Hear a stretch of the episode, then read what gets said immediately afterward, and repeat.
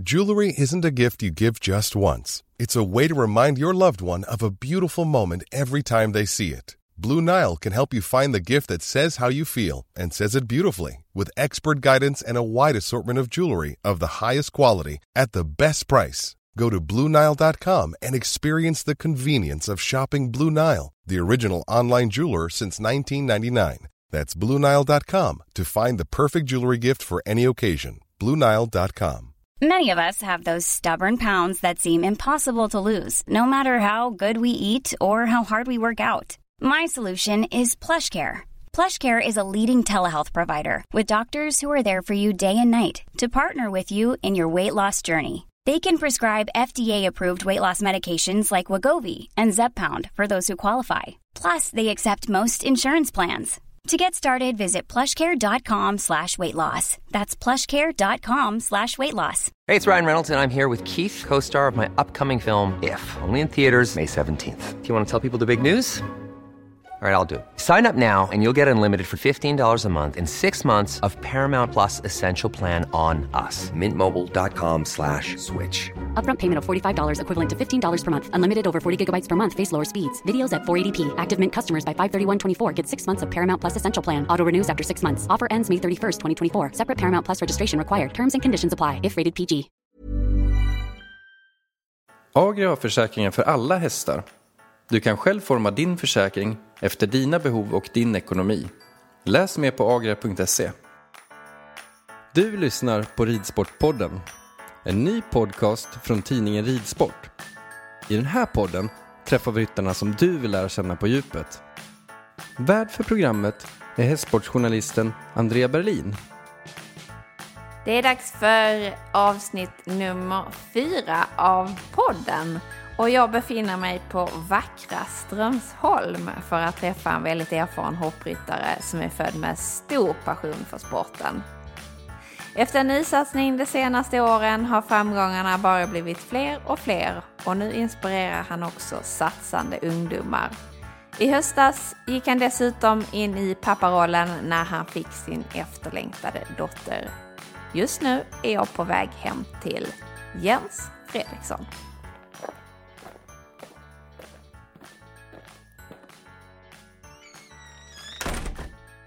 Välkommen hit till podden Jens. Tack så mycket. Eh, vad kul att vi får vara här ute på Strömsholm. Du kan väl be berätta lite var vi befinner oss just nu? Mm. Sitter hemma i uh, den lägenheten jag hyr här tillsammans med Isabelle. Det är uh, Oldsfrubyggnaden som är byggd i slutet av 1600-talet. Uh, med kakelugnar och lågt i tak. Man får se upp så att man blir knockad i dörrkarmarna som är ganska låga här. Men det är en fantastisk miljö och vi har utsikt mot slottet. Och, ja, jag gillar det här. Vad härligt. Hur länge har ni bott här? Ja, vi har bott här ett par månader nu. Vi bodde innan i en uh, närliggande byggnad. Men nu har vi fått barn så här med Filippa här nu så passar. Vi behövde vi lite större. Så det känns jättebra här. Mm. Hur mår du nu egentligen? Du är nybliven pappa sedan uh, i oktober. Hur ja, känns det? Jo, det känns bra. Det är som att man är konstant bakfull. uh, det är ju ett, ett, nytt liv, men det är ett fantastiskt liv. Och det är väldigt, väldigt spännande att följa Filippa här och ta hand om henne. Mm. Tror du det blir en eh, ryttare av henne?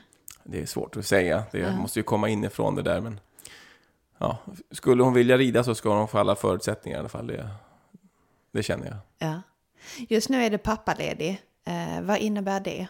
Eh, håller du dig borta från stallet? Nej, jag rider ju och sådär. Så att, eh, Eh, jag håller igång mitt stall. Jag jobbar egentligen med, med tre saker. Jag eh, driver mitt tävlingsstall på 6-8 hästar. Och sen så är jag 25% anställd som stallmästare på Ridskolan Strömsholm. Och det innebär att jag har ett kvalitetsansvar för dels lärarna och dels för hästarnas nivå och dels för att eleverna utvecklas till det som kursmålen eh, visar i ridningen. Då. Så att det är ju ganska mycket att eh, vara, vara med och titta och eh, berätta och följa. Så att man får det på det sättet som man tycker är bra. Och sen så jobbar jag 25% på Ridsportförbundet, då framförallt med Sylve Söderstrand och Annika Ersgård med utveckling av hoppningen. Och sen jobbar jag också där med Daniel Bergqvist. Vi jobbar med utveckling av talangprogram eh, för ridsporten som jag tycker är mm. jättespännande. Hur ser vardagen ut? En vanlig vecka? Ja, vardagen är att jag på förmiddagen så går jag ner och rider. Så jag rider mellan kanske halv nio och ett, tolv ett. Och sen så eh, tar jag barnvagnen och så knallar jag upp till eh, kontoret och så då brukar vi ta en liten promenad, jag och Annika, och prata om saker och ting och sen jobbar vi lite grann på det som behövs och sätta ihop det. Och, eh, sen jobbar jag, tar jag barnvagnen så knallar jag igenom ridhusen och tittar när folk rider och jobbar och undervisar. Och tittar lite genom stallen hur hästarna ser ut och hur de musklas och hur det fodras och sådär. Så har liksom, ja, vad ska jag kalla det för, örn, örnperspektivet, titta lite ovanifrån om man säger och ser. För det, det syns ju ganska snabbt när det inte fungerar. Man ser att ryttare är frustrerade, hästar är ledsna, eh, de är inte blanka i pälsen och så vidare. Det är, det är små, små tecken egentligen som man kan snappa upp och ganska lätt rätta till om man mm. ser dem i tid. Mm.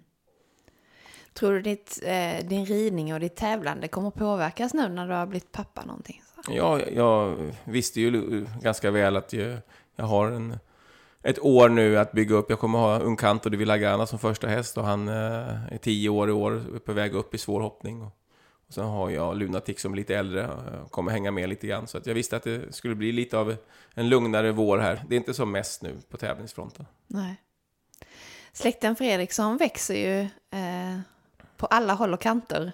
Eh, tror ni blir ryttare allihop? Av... Det verkar som Karsten och Hjalmar, som Peder och Lisens äldsta grabbar, de ja. är sådär måttligt intresserade i dagsläget. Det kan ju vända sig, men Karsten är fantastiskt duktig med social media och eh, jobbar mycket med form och foto och sådär, har intresse för det. Och Hjalmar, han är riktig fotbollsfan och jätteduktig på det och intresserad. Så de har ja, andra starka intressen. Så jag, ja, jag skulle vara tveksam om de växlar om, men det vet man aldrig. Nej. Så det är, det är Filippa och Bill nu som vi får hoppas kan kliva vidare in i ridsporten. Ja. Tror du man kan jämföra er med typ eh, släkten Whittaker eller någonting sånt där som har en generationer efter generationer som rider och tävlar? Nej, det kan man kanske inte göra, men vi har ju ett genuint hästintresse. Man ser pappa alltid varit intresserad och mm. morfar och farfar var intresserade och morfars far kunde rida och var intresserade. De var premieringsförrättare och hade avelshingstar och födde upp hästar så, där. så det finns, vi har det lite grann i blodet, det, visst mm. är det så. Mm. Hur skulle du kunna jämföra dig med din bror Peder? Ja, vi, vi är ju lika passionerade båda två. Mm. Jag är nog mer intresserad av att eh, ja, kunskapsöverföring och undervisning och pedagogik och han är mer intresserad av, han är mer konstnär. Eh, även i eh, sin, sin ridning så är han mer intresserad av att kanske måla än att undervisa eh, och rida lite mer för sig själv. Och, eh, ja, han har ett, en estetisk ådra i sig som jag inte har och inte så mycket intresse. Och jag är mer intresserad av att ja, hitta ja, undervisning och titta. Jag är intresserad av utveckling av pedagogik och jag är väldigt intresserad av det, det mentala också. Att man kan komma mot sina mål och den biten har jag intresserat mig för. Det har han nog också gjort, men mer för sin egen del. Och jag är mer intresserad av hur kan jag föra det här vidare? Att man tycker ridning är riktigt kul och riktigt spännande och att man verkligen Eh, om man brinner för, för någonting, att man verkligen kan ta sig dit. Det, mm. det har jag som en stor passion. Mm. Hur skulle du annars eh, beskriva er relation? Ja, vi, vi har en väldigt hästmässig relation. Vi pratar mer eller mindre varje dag. Mm. Har gjort de sista 30 åren. Ja. Och eh, eh, vi hjälper varandra när det verkligen gäller. Så att, som i VM nu så flög jag ner där och fanns vid Peders sida. Kanske inte säger så mycket, men jag finns där som ett stöd. Och, vi har en sån uttalad eh, arbetsrelation kan man kalla det för. att eh, Vi säger ingenting, men man finns där. Man har koll på allting. Och sk skulle man eh, som utövare eh, behöva ett svar, då, då vet man det. Det finns de där som har alla svaren på tider eller eh, banan, avstånd, vad det nu är. Mm. Bedömningar och, och, så vidare. Men vi håller inte på att tjabba liksom och ge, hjälper varandra, utan när man är där då ska man ha klart för sig hur det ska gå till. Men man kan det kan komma frågor och då finns det ett bra stöd som man kan lita på. Mm. Hur, vad händer om ni tävlar i samma klass? Det gör, blir... det, det gör vi ofta. Då, ja. då känns det ju mer eller mindre att man har två chanser att lyckas faktiskt. Ni är ändå samma team? Ja. Mm. Och så har det alltid varit. Ja. Faktiskt, jag har aldrig varit så nervös som när Peder red ponny, för jag visste han, han, och även som junior, han, han glömde ofta banan. För han tänkte på annat och sådär, och tänkte man då stod man där och visslade och försökte lotsa honom rätt. Ja. Och jag vet att han var också mm, ofta supporterade mig många gånger. Vad är dina styrkor och svagheter i eh, ridningen jämfört med Peders kanske? Ja, vi rider ju mer och mer lika, jag, tycker jag. Eh, och Vi jobbar hästarna mer och mer lika.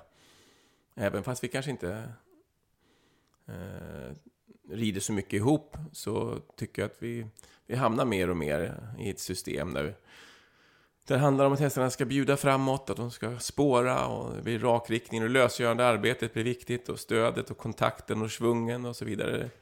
Eh, vi lotsas in där ungefär på samma, samma väg. Sen är Peder mer fostrad, tycker jag, i fälttävlan. Från fälttävlan har de förmåga att kunna rida hästarna väldigt öppet och hoppa stora hinder. Där jag vill ha dem lite mer ihop på, på bakbenen och lite mer som en boll.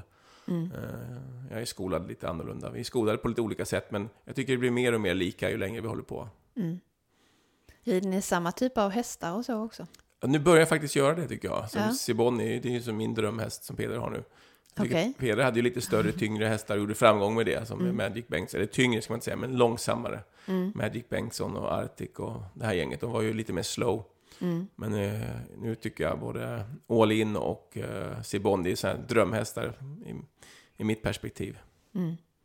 Så du tror att eh, om du hade satt, upp, satt dig upp på Peders häst så hade du kunnat ro hem en klass ner? Ja, jag tror att det hade passat mig alldeles utmärkt. Ja. Så att eh, båda de hästarna tycker jag är fantastiska. ja. Och sen har han andra jättefina hästar också. Så att, men men eh, de två, jag, jag gillar det är lite lunatic-känsla på dem. Ni är ju två framgångsrika ryttare båda två, men har valt att gå lite olika vägar. Eh, Du arbetar ju här med utbildning på Strömsholm medan Peder driver en egen verksamhet och en egen gård. Ehm, Vad ger det för olika förutsättningar? Ja, ja så, det är ju, det är ju hårt, hårt jobb i slutändan som lönar sig. Eh, Att, att jag hamnade här var lite av en slump, men jag, jag trivs här. Jag tycker att det andas mycket häst. Det finns en fin kultur, ridsportkultur här. Jag tycker det är kul att jobba i olika projekt och eh, jag tycker det är kul att driva utveckling. Och jag tycker jag får möjlighet att göra det. Eh, jag tycker när jag hamnar på en gård så tycker jag jag blir lite rastlös och lite ensam och eh, trivs, trivs i att vara i, jobba med människor och jobba med, i projekt med andra människor. Och där tror Peder, han älskar att få vara lite för sig själv och plantera några träd och måla lite grann och rida och eh, jag är inte alls så säker på att han hade trivts det som jag har det. Så att, eh, men det blir väl så att man utvecklar eh, en vardag på ett sätt som man känner att man mår bra i. Har ni någon gång funderat på att driva någon verksamhet tillsammans? Nej, det har vi faktiskt inte gjort. Utan, eh, vi jobbar gärna ihop, men vi har, tror jag, har varit klokt också därför att eh, jag tror att det är svårt att driva en ekonomisk verksamhet ihop, för det är alltid en som måste vara chef på något sätt. Men när man driver de här mer eh, frågeställningar som eh, ridteknik eller eh, idrottspsykologi, eller man diskuterar de här saker, det är inte något som behöver vara, vara, vara chef, eller man behöver inte, det behöver inte vara rätt eller fel, utan det är mer, det är mer bara utvecklande. Eh, Jag tror att vi har mycket mer ut av varandra om vi inte har en, en business ihop, helt enkelt. Är det en fördel eller en nackdel att hålla på med, med ridningen och ha den här hästhandeln vid sidan om? Tycker du? Jag tror att om man tycker, tycker man det är kul så tror jag att det är en fördel, för det är en morot också. Eh, man, man brinner för att utbilda hästar och kan man dessutom tjäna en bra slant på det eh, så är det jättekul. Eh, det kan vara en nackdel om det visar sig att man alltid säljer sina bästa hästar. Eh, och man vill ha, rida på sport på högsta nivå. Då kan det vara svårt. Så att visst, eh, det, den går att lösa, men den, den, det kommer ju alltid vara så att de bästa hästarna blir värda väldigt mycket pengar. Eh, Och lever man på hästhandel så kanske man är tvungen att sälja dem. Och har man ett annat levebröd så kanske det är lite lättare att behålla dem lite längre. Du har sagt att det, det är viktigt att skapa ett nätverk eh, och ha en bra social förmåga för att lyckas. Eh, kan du inte berätta lite hur du tänker gällande det? Ja, till en början handlar det mycket om att lära sig att rida och bli duktig på det. Eh, och eh, så småningom så kanske den viktigaste egenskapen är att vara nyfiken. Hopparen, hoppryttaren sen har viktigaste egenskapen är att vara nyfiken. Ny, nyfiken att utveckla sig själv hela tiden. Därför att sporten utvecklas och andra människor utvecklas. Och står man still och stampar så kommer man aldrig hänga med. Och efter ett tag så kommer man upptäcka att ridningen är en bit. att hitta bra hästar är en otroligt viktig bit. Att hitta hästägare som kan äga de här hästarna kanske är en ännu viktigare bit långsiktigt. Att hitta en ekonomi som gör att jag kan tävla avslappnat och verkligen vara professionell blir också en viktig bit. Då kommer vi in i vad vi kallar för management.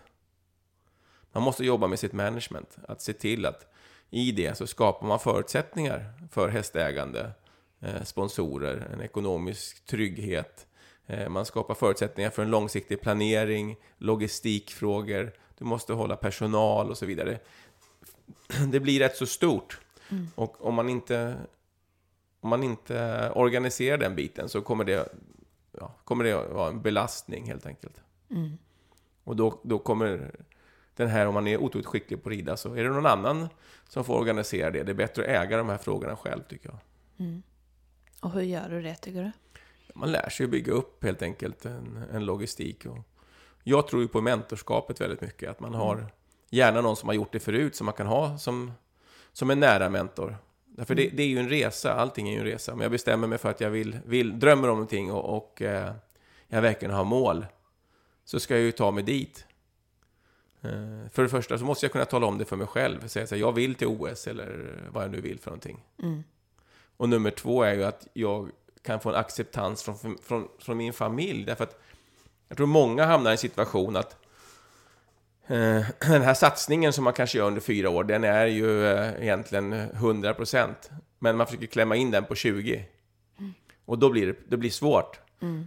Så att egentligen måste man sätta sig ner med familj jag, jag, och säga så här, jag har det här målet. Eh, är, är det okej med att jag är superego nu i fyra år och satsar 100% mot det här?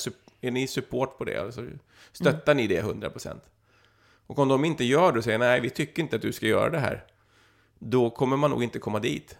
Utan det måste finnas en, en, en riktig support och en, en öppenhet och ärlighet i den här satsningen.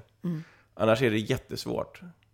Och det är häftigt också att vara med på en sån här resa. Man behöver inte vara den som utöv, vara utövare, utan det kan vara häftigt att vara med på en sån här resa. Men, men det, det, måste, det måste vara transparent och ärligt. När, när den biten är gjord och man kan säga det här till sig själv, då måste man gärna ha en mentor som man kan säga så här, hur gör vi nu? Jag vill dit, jag är här. Och då kommer det komma upp ett antal frågeställningar. Och så får man börja jobba med dem. Ja. Så att eh, just de här bitarna har jag jobbat mycket med och, sett. Eh, Ja, för du får lägga, om din vardag ganska så eh, mycket för att kunna nå dina drömmar. Var ja, så? jo, jag, jag, jag, har gjort, de här resorna ett antal Ja. gånger. Och då kommer man ju på det kanske. 80% av det man håller på med, det är, det är överhuvudtaget ingen internationell sportsatsning. Nej. Utan det handlar bara om att man måste jobba som bara den för att kunna lösa självpåtagna uppdrag. En del kan vara eh, sentimentala. Att man håller igång någon gammal häst som eh, ja, man tyckte om den där storstammen och man har fött upp dem själv och vad det nu är och kanske den, ens respektive eller mamma eller pappa tycker inte att man kan sälja den så sitter man och rider den där hästen varje dag. Eller, Det kan vara andra saker som gör att man blir inte professionell helt enkelt utan det blir en blandning av eh, någon typ av emotionell värld och en professionell värld. Det, det duger inte helt enkelt. Utan man måste vara toppprofessionell i sin satsning. Eh, och vara väldigt tydlig att de här de här timmarna, då satsar jag, då jag rider min bästa häst, jag går till gymmet, jag jobbar med min logistik och mitt management, eller jag, jag, lägger, jag lägger alltid 30 minuter varje dag för att kunna ringa hästägare, sponsorer, informera, eller hitta nya, eller vad man nu vill göra. Men om man bara skjuter det åt sidan hela tiden, så då kommer, kommer inte folk bli nöjda heller, som man jobbar ihop med. Nej. Vad fick du pri- prioritera bort när du skulle få en förändring? Vä- väldigt mycket eh, saker som jag trodde jag var tvungen att göra, vilket jag inte var. Eh, Jag var tvungen att organisera om ja, det mesta jag gjorde kan man säga. Var det någonting som hade med hästgården att göra? Eller mycket hästgården. Ja. Ja. Jag, det, var, det, det funkar inte att jag satt och harvade ridbanan och lagade staket och lagade vattenkoppar och ledde ut och in och la på täcken Nej. och så vidare. Det kunde jag göra också om jag hade bestämt mig för att den och den timmen ska jag göra det. Mm. Men organisera upp sin vardag så man vet att eh, man vet att det finns en tid där man stänger av mobiltelefonen, man är 100% fokus på sin satsning. Mm. Och så jobbar man mellan ja, till exempel 8 och 12 med det. Och sen efter det så får man organisera och göra andra saker. Men att blanda det här och eh, det kommer folk och telefonen ringer och man känner oro i kroppen samtidigt som man ska försöka göra en 100% professionell satsning, det är väldigt svårt. Jag klarar inte det i alla fall. Nej. Tror du det är ett vanligt problem? Ja, jag tror det. När, det, när för ridningen blir så mycket, alltså ridsporten är så mycket en livsstil. Så det kan vara svårt att särskilja just sin egen satsning och speciellt om inte man riktigt vet vad en satsning är eller hur mycket man satsar. Så tror jag att det är lätt att man mest sitter och hjälper andra egentligen. Och, och eh, jag brukar kalla mig lite grann för en brandman, släcker massa eldar, det dyker upp massa problem och så ska man lösa dem. Problemlösare, eh, just den här tiden när man jobbar professionellt med sin personliga utveckling, då kan man inte vara andras problemlösare och inte sin egen heller, utan då ska man jobba bara med det. Ja. Om man är en ryttare som har ett eh, normalt arbete vid sidan om och inte kanske kan lägga mer än 10-15 procent eh, på sin dag eh, till ridningen. Ehm, Ja, då får man anpassa målen för det. ja. Det är sam, det, jag tycker det är precis det är samma sak som gäller. Därför det kan man ju välja. Varför? Alltså, vad, vad är man? Jag kan också se att jag har det så. Eh, men då får man anpassa målen. För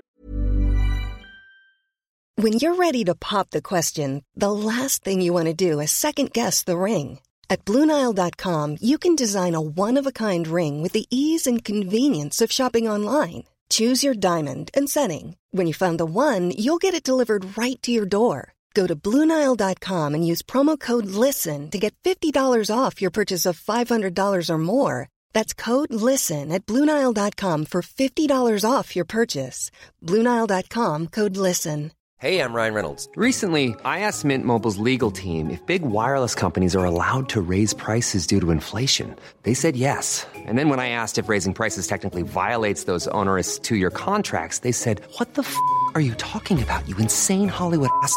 F- So to recap, we're cutting the price of Mint Unlimited from $30 a month to just $15 a month. Give it a try at mintmobile.com slash switch. $45 upfront for three months plus taxes and fees. Promo rate for new customers for limited time. Unlimited more than 40 gigabytes per month. Slows. Full terms at mintmobile.com. Hiring for your small business? If you're not looking for professionals on LinkedIn, you're looking in the wrong place. That's like looking for your car keys in a fish tank. LinkedIn helps you hire professionals you can't find anywhere else, even those who aren't actively searching for a new job but might be open to the perfect role. In a given month, over 70% of LinkedIn users don't even visit other leading job sites. So start looking in the right place. With LinkedIn, you can hire professionals like a professional. Post your free job on linkedin.com slash people today. Hey Dave, Yeah, Randy. since we founded Bombus, we've always said our socks, underwear, and t shirts are super soft. Any new ideas? Maybe sublimely soft. Or disgustingly cozy? Wait, what? I got it. Bombus. Absurdly comfortable essentials for yourself And for those facing homelessness. because one purchased equals one donated. Wow, did we just write an ad?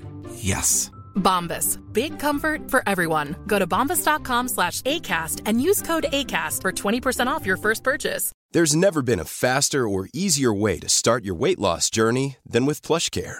PlushCare accepts most insurance plans and gives you online access to board-certified physicians who can prescribe FDA-approved weight loss medications like Wigovi and Zepbound for those who qualify. Take charge of your health and speak with a board-certified physician about a weight loss plan that's right for you. Get started today at plushcare.com slash weight loss. That's plushcare.com slash weight loss. plushcare.com slash weight loss. till syvende och sist, det viktigaste är att man har roligt. Men du tror det går att lyckas även om man inte riktigt har den maxade tiden som man har? Ja, det beror på en- vilka mål man har. Jag Ja. tror att det är relativt svårt att ta sig upp i topp 10 i världen. Alltså. För det innebär att du måste tävla varje helg, från torsdag till söndag. Så det, det målet, det tror jag inte går. Men att ta sig mot ett, man har en väldigt bra häst och du får väldigt bra träning, att ta sig upp mot sina egna uppsatta mål. Alla har sina mål.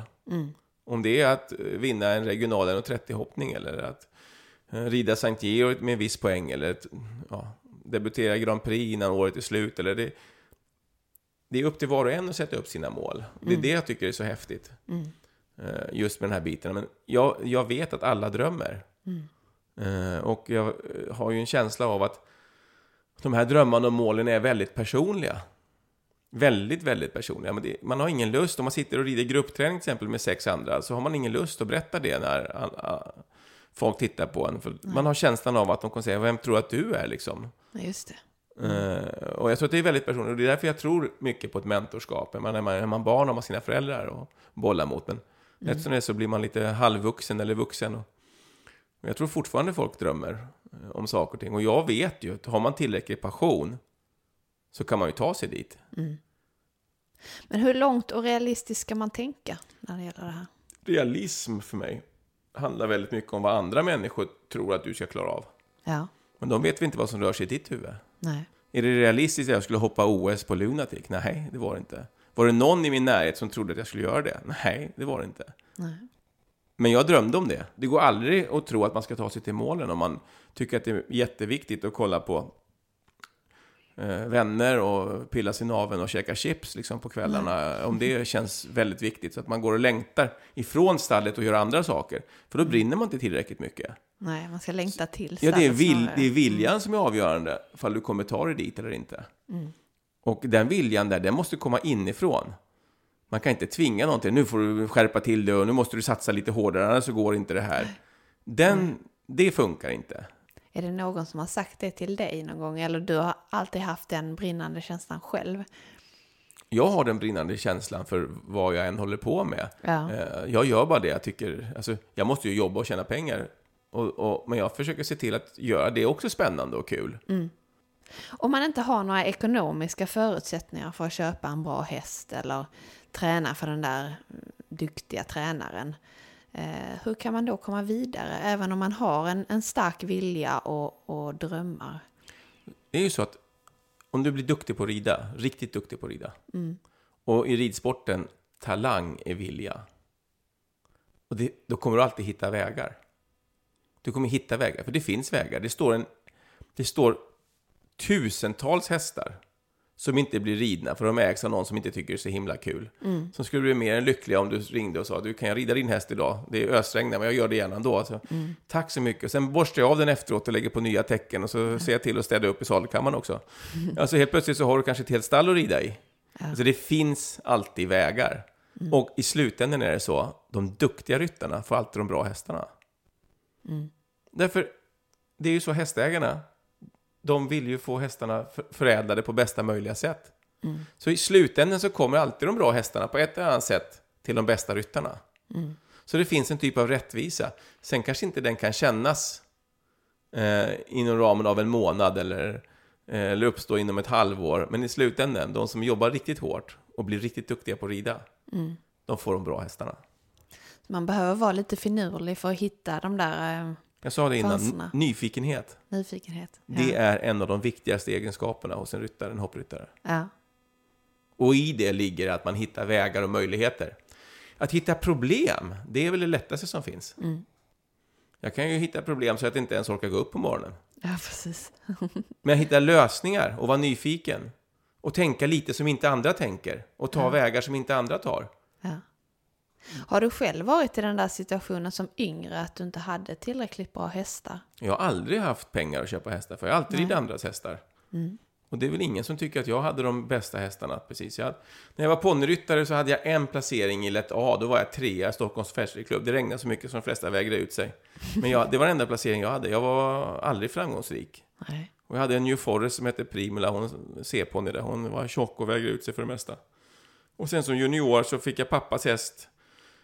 Ett sto efter Dragon, Nepal och Kajer. Eh, och eh, hon gick med huvudet rakt upp. Hon var förvisso en fin hopphäst. Men jag var ju aldrig med så att jag var aktuell för något EM eller liknande. Jag var med och red lite i Allsvenskan. Och jag trasslade mig runt något junior-SM utan att komma till final. Men när jag varit lite äldre, eh, 22-23 år, då kände jag att det ändå var det här jag ville göra. Ja. Och då började jag, egentligen då började jag utveckla mig själv som ryttare. Innan hade jag inte gjort det. Innan hade jag liksom slagit ifrån mig att riktigt lära mig, för jag tyckte det lät så krångligt, så jag tog inte riktigt till med det. Jag red hellre själv, lite själv, och satt och provade, än att eh, verkligen ta till mig och lyssna och utvecklas. Hur ser det ut idag? Äger du några av dina egna hästar här? Jag äger några hästar själv. Mm. Men jag har fantastiska hästägare idag. Har jag. jag har Lövsta stuteri som äger en av hingstarna. Och jag har Jan-Ove Hallgren som äger lite bitare hästar. Och som också hjälper mig med logistik och liknande. Och jag har en kille som heter Daniel Friberg som äger en häst. Så jag har jättebra hästägare idag. Och försöker ha nära samarbete med dem. Mm. Det här med målen, det tar ju väldigt lång tid. Eh, hur är det med hästarna? Eh, hur lång tid tar det att få dem att visa sin bästa förmåga? Ja, det är, det är väldigt olika. Men eh, vi brukar säga det att slow is fast. Mm. Har du allt för bråttom så då kommer de aldrig sällan upp liksom, på sin riktiga förmåga. Nej. Eh, men om du riktigt ger dem tid så kan du ofta tävla på dem under många, många, många år på högsta nivå. Så att, eh, och det lär man sig, tycker jag, med åldern, att skynda långsamt. Mm. Ge hästarna tid, ge dem din själ, utbilda dem liksom från hjärtat ordentligt. Så kommer de också, kommer också få tillbaka det. Mm. Så de hästarna som står här i stallet nu, de har du... Hur länge har du egentligen jobbat med dem innan de presterar det bästa? Ja, det, det är väldigt olika, men Mm. jag tävlar inte jättemycket under det att jag håller på att utbilda dem, utan jag åker ut och tävlar och checkar av. Tävlingen blir mer som en kontroll på att jag är på rätt väg. Eh, Men jag tycker inte... Jag har ett sjuårigt sto som jag tycker jättebra om. Hon har, inte, hon har varken gått fyra eller fem eller sex års eller sju år, eller sex års då. Hon blir sju nu. Mm. Därför jag tycker inte hon har varit färdig för det. Nej. Men jag tror att den kommer hoppa Grand Prix när jag är färdig med henne. Men eh, lite stark och lite svårt att byta galopp och eh, hamna lite i framvikt. Och det krävs mycket gymnastisering.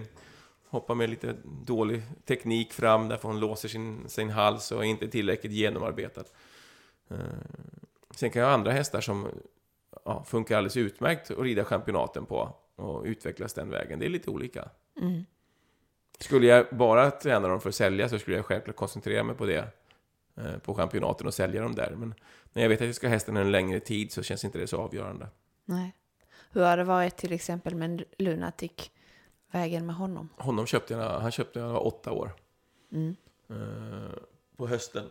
Och eh, där var det väl mer, han hade ju en viss rutin eh, och har gjort en del resultat. Och vi visste att det var en bra häst. Det var med att vi skulle hitta varandra. Mm. Och hitta en bra ridteknik och sådär. Nu är han ju 17 och går fortfarande. Så det är ganska häftigt. Mm. Han har gått svårhoppning i snart 10 år. Och planerna är att han ska fortsätta tävla? Ja, så länge han tycker det är kul. Ja. Och han är frisk och sund? Och... Ja, han är, han är Ja. häftig. Han. han är ju Ja. klart att han är lite gubbe nu. Liksom. Han är inte lika, lika mjuk och elastisk som han var för två, tre år sedan. Men, men viljan finns där. Ja. Känner du själv att du har nått dina mål och drömmar eller finns det fler? Ja, man, skapar, man får ju hela tiden nya mål. Just nu så tycker jag jag har my- mycket mål och, och lite drömmar om det här med kunskapsöverföring och mentorskap. Och att jobba med ungdomar tycker jag är jättekul och spännande. Och eh, just det att försöka få, få ryttare, alltså det gäller nog alla ryttare, att det drivas, alltså drivkraften är mer nyfikenhet och glädje än eh, rädslan att misslyckas och göra bort sig. Mm. Eh, Jag kan känna själv när jag tittar eh, på min egen, min egen utveckling att jag styrts ganska mycket av den här rädslan att inte räcka till eller inte tillräckligt, vara tillräckligt bra eller eh, man skulle vilja vara bättre än vad man är. Så får man en, en viss prestationsångest av det. Att Mm. Försöka via ett bra mentorskap och ett, bra tänk eh, styras av nyfikenheten och glädjen istället. Och, och kän, känslan av att om jag gör så gott jag kan så har jag aldrig misslyckats. Nej. Om jag gör mitt absolut bästa så kan jag inte misslyckas. Och blir jag stark i det, då är det mycket lättare tycker jag att eh, hitta utveckling. Mm. Och man får inte de där riktigt den här negativa eh, touchen i det. Nej. Alla idrottsmän letar efter något som heter flow. Man vill ha ett flow, ett flyt. Mm. Och den kan, det kan bara komma om man har uteslutit alla negativa tankar. Och så länge du tänker, att, tänker lite så här, det, du styrs av rädsla, du fattar beslut ifrån rädsla. Nej, jag vill inte göra det därför då kanske jag gör bort mig. Eller eh, jag vill inte göra det därför att jag är inte färdig för det och då kanske jag gör bort mig. Eller jag, eh, jag är inte tillräckligt bra. Eller jag vill inte gå in där för jag tycker jag har så fula kläder. Eller vad det är för någonting. När rädsla styr mina beslut, då kommer jag aldrig hitta ett flow. Nej. När nyfikenhet och glädje styr mina beslut så kommer jag ju fatta dem mot mina mål. om de styrs av rädsla så kommer jag fatta dem och bara kliva undan hela tiden. Mm. Och därför är det väldigt viktigt att man har den här mentorn eller den här personen man kan prata med. Som man verkligen kan berätta vad man satsar på, man kan, som gärna har gjort den här resan. Mm. Och som man känner, jag, jag har alltid känt mig dålig lite grann inför eh, duktiga ryttare. Eh, när jag var yngre. Alltså när de kom så, jag, jag kommer ihåg när jag växte upp på Flyinge där, var 14, 15, 16 år. Då red jag mycket med Peter Eriksson och Rolf-Göran Bengtsson som då var väldigt unga, de var ju duktiga då, men det visade sig att de skulle bli världsstjärnor sen. Mm. Jag kommer ihåg hur jag kom in på banan, tittade upp på läktaren, såg jag någon av dem så fick jag spagettiben och jag kunde knappt ta mig runt banan. Nej. Och var inte de där, då kände jag nu ska jag prestera. Då, då hade jag helt andra förutsättningar. Och det, jag vet att jag inte är ensam om det här. Ja. Eh, sen, eh, ja, med åren så försvinner det, men det är väl bättre om man kan försöka jobba med det så tidigt som möjligt. Klart. Ja. Hur, hur gör du? Sätter du upp ett mål när du har gått i, i mål med det första så att säga? Eller ändrar du målen på vägen? De, Eller? de växer fram, man sätter Mm. inte dem, de växer Nej. fram, de kommer, de planteras och så börjar de blomma liksom. Det gäller att plantera dem på ett bra sätt bara. Ja. Det är som en planta. Man planterar den på asfalt så blir det jävligt tufft för den. Mm. Men det måste liksom, målen måste planteras så att de har förutsättningar att växa liksom. Mm. Och att du kan förverkliga dem. Mm. Och det kan du om du gör rätt. Och så får man inte ha för bråttom. Hur många mål ska man sätta upp tycker du? Nej, det är upp till var och en. Det är det? Ja. Man kan, man kan Jag inte ha för finns, många? jag tror inte det finns några rätt och fel i de här frågorna. Nej. Det är alltid fel att styras ifrån rädsla. Mm. Och det är alltid rätt att styra sig från nyfikenhet och glädje. Mm. Det kan jag säga. Men hur många mål och hur man ska göra det, det är upp till var och en. Ett mål kan ju vara att vakna varje morgon och studsa upp och älska livet och käka med frukost och springa till stallet. Och för att, hur ska det bli förverkligat? Ja, då måste jag ha mycket större mål med det jag ska göra i stallet. Mm. Och hur får jag det? Jo, det är att jag, jag drömmer om kanske framgång, eller jag kanske drömmer om den här perfekta ritten, eller... Det är ju så att när man är ung så den största glädjen ligger ju tävlingsbiten. När man blir äldre som jag och tävlat fruktansvärt mycket så blir tävlingen ganska primitiv. Det är Mm. start till mål, det är 10 hinder eller 12 hinder som ska hoppas. Det går på 60 sekunder ungefär. Men ridningen och ridkonsten och att brinna för, för, för hästen och kärleken till hästen, det blir ju den stora biten. Det är ju Mm. det som gör mödan värd. Mm. Sen blir tävlingen lite mer en kontrollstation. Och ska jag göra resultat, då blir ju det väldigt viktigt att jag också kan hantera tävlingen, både mentalt, att jag är rätt förberedd och jag har ordning på den biten. Mm. Men drivkraften, varför går jag upp och rider? Jo, för jag älskar hästar och älskar att rida. Det, det blir tydligare och tydligare för mig. Mm. Vilken är din största drivkraft just nu? Ja, just nu är det ju Filippa. Tycker det är jättespännande att ha en Mm. dotter här. Det känns jättekul. Ja. Men jag har även sportsliga mål, liksom. Men hästarna är inte riktigt där just nu att jag kan säga att jag ska, jag ska dit eller dit. Utan jag utbildar fortfarande dem. Och skulle det visa sig att jag känner med Uncanto där nu, att han kommer ut och hoppas så som jag hoppas och tror och känner, då kommer jag också fortsätta och, och sätta upp lite mål. Mm. Kan du inte berätta lite om de nya hästarna som du har? Jag har en hingst eh, från Lövstad som heter Uncanto. Mm. Efter Kantur och Ackord, som är 10 år nu, har debuterat den är 45. Mm. Och sen så har jag ett eh, belgiskt fött sto eh, efter, eh, som heter Flör, efter Varkant, kronjuvel, eh, lite lustig härstamning med Holstein i möderna, ganska het fuxmär, också 10 år. Mm. Så det, det är de två där som jag jobbar vidare. Och vad ser vi dig härnäst? Vad, eh, hur kommer 2015 se ut? Det är ju så att det är svårt att få, jag sökte lite tävlingar här nu, men det är svårt att få inbjudningar, internationella tävlingar. Mm. Jag var intresserad av att åka till Drachten och Amsterdam, men Sverige har få platser och jag ligger lite långt ner på världsrankinglistan, så att jag kom inte in där. Då får man tävla lite mer nationellt och eh, gå den vägen, men jag tycker vi har så bra tävlingar i Sverige idag, så att jag ser inte det som ett problem. Nej. För, länge, för tio år sedan så var det det, men tävlingarna i Sverige har utvecklats enormt. Eh, De håller hög standard. I Borås här om ett par veckor så är det 250 000 i första pris i Grand Prix. Det är mer än vad det är på de trestjärniga tävlingarna. Mm. Och även på fyrstjärniga tävlingar ofta. Så att, eh, ja, jag är stolt och glad över att man kan utveckla den nationella sporten på ett sådant sätt i Sverige. Mm. Så det finns inte så stor anledning att åka utomlands egentligen då? Anledningen är att man det är väldigt nyttigt att möta de som är på lite bättre än en själv. Mm. För man måste sträcka sig, man måste förbättra sig. Man, sitter man hemma eh, så för mycket så blir det på lite för låg nivå. Där, därför är jag sugen på att åka iväg lite internationellt. Att, Mm. Men vi, vi får bättre och bättre ryttare hemma också, eh, självklart. Så att, men det är viktigt att, att eh, mäta sig mot ryttare som är lite bättre än en själv och få lite tankar och idéer och vara nyfiken på hur man ska kunna bli lika bra som dem. Mm. Tycker du du får eh, just den här inspirationen här på Strömsholm när du Här är ju, jobbar här? Jag ger ju mer än vad jag, vad jag får här, självklart. Ja. Men jag eh, passar ju alltid på. Nu kommer eh, Robbie Erens hit och ska ha kurs och Henk Noren kommer kurs. Jättekul och jag har möjlighet att samarbeta och jobba ihop med jätteduktiga människor. Så det är klart att jag får, får inspiration. Mm. Och jag försöker, försöker åka ner och rida lite ihop med Peder. Mm. eh, När det finns möjligheter och sådär. Så att jag, jag försöker göra det. Men det är lätt att bli lite eh, hemtam. Mm. Och det, det lönar sig aldrig.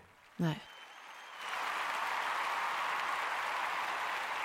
Vi har ju världscupen på här intill i köket och eh, Douglas Lindelöf är ju typiskt en kille som har eh, satt upp höga mål och drömmar men han når ju också dem. Ja, jag tror, alltså, jag tycker han är kaxig på ett bra sätt. Han sätter upp de här målen och eh, det tvingar honom också att anstränga sig det här lilla extra, vilket han gör. Och han levererar ju hela tiden och rider ju fantastiskt bra. Han har ju Mm. alltid varit en supertalang och jag tror att eh, han har jobbat mycket med Marcus Ening, han har en mamma som hjälper till och en pappa som hjälper till. Han har ett bra management. Han, han har hittat hela, hela det här konceptet och de bitarna som behövs. Och eh, jag skulle inte vara förvånad om han är en av de absolut bästa ryttarna i världen ganska snart faktiskt. Mm. En bra inspirationskälla med andra ord. Ja, bra föredöme tycker jag när han rider också. Väldigt bra, bra känsla för hinder och det är kul. Jag tycker det är kul att se när han rider. Ja. Tack så jättemycket Jens för att eh, vi har fått ta del av dina tips Mm. och vad som händer i ditt Mm. liv just nu. Mm. Tack och, själva. eh, lycka till med lilla Filippa. Mm, tack så du ha. Och så kom ihåg det, att ut och, bli, blir ni duktiga på att rida så kommer ni alltid få bra hästar. Det behöver man inte vara bekymrad för. Nej, det ska vi hålla i Mm, huvudet. det är bra. Tack Hej så då. mycket. Tack, hej. Vi vill jättegärna veta vem du vill att vi ska träffa nästa gång och vad vi ska prata om. Maila till oss på podden snabel tidningen ridsport.se. Programmet producerades av Lavaletto. Agria har försäkringar för alla hästar. Du kan själv forma din försäkring efter dina behov och din ekonomi. Läs mer på agria.se.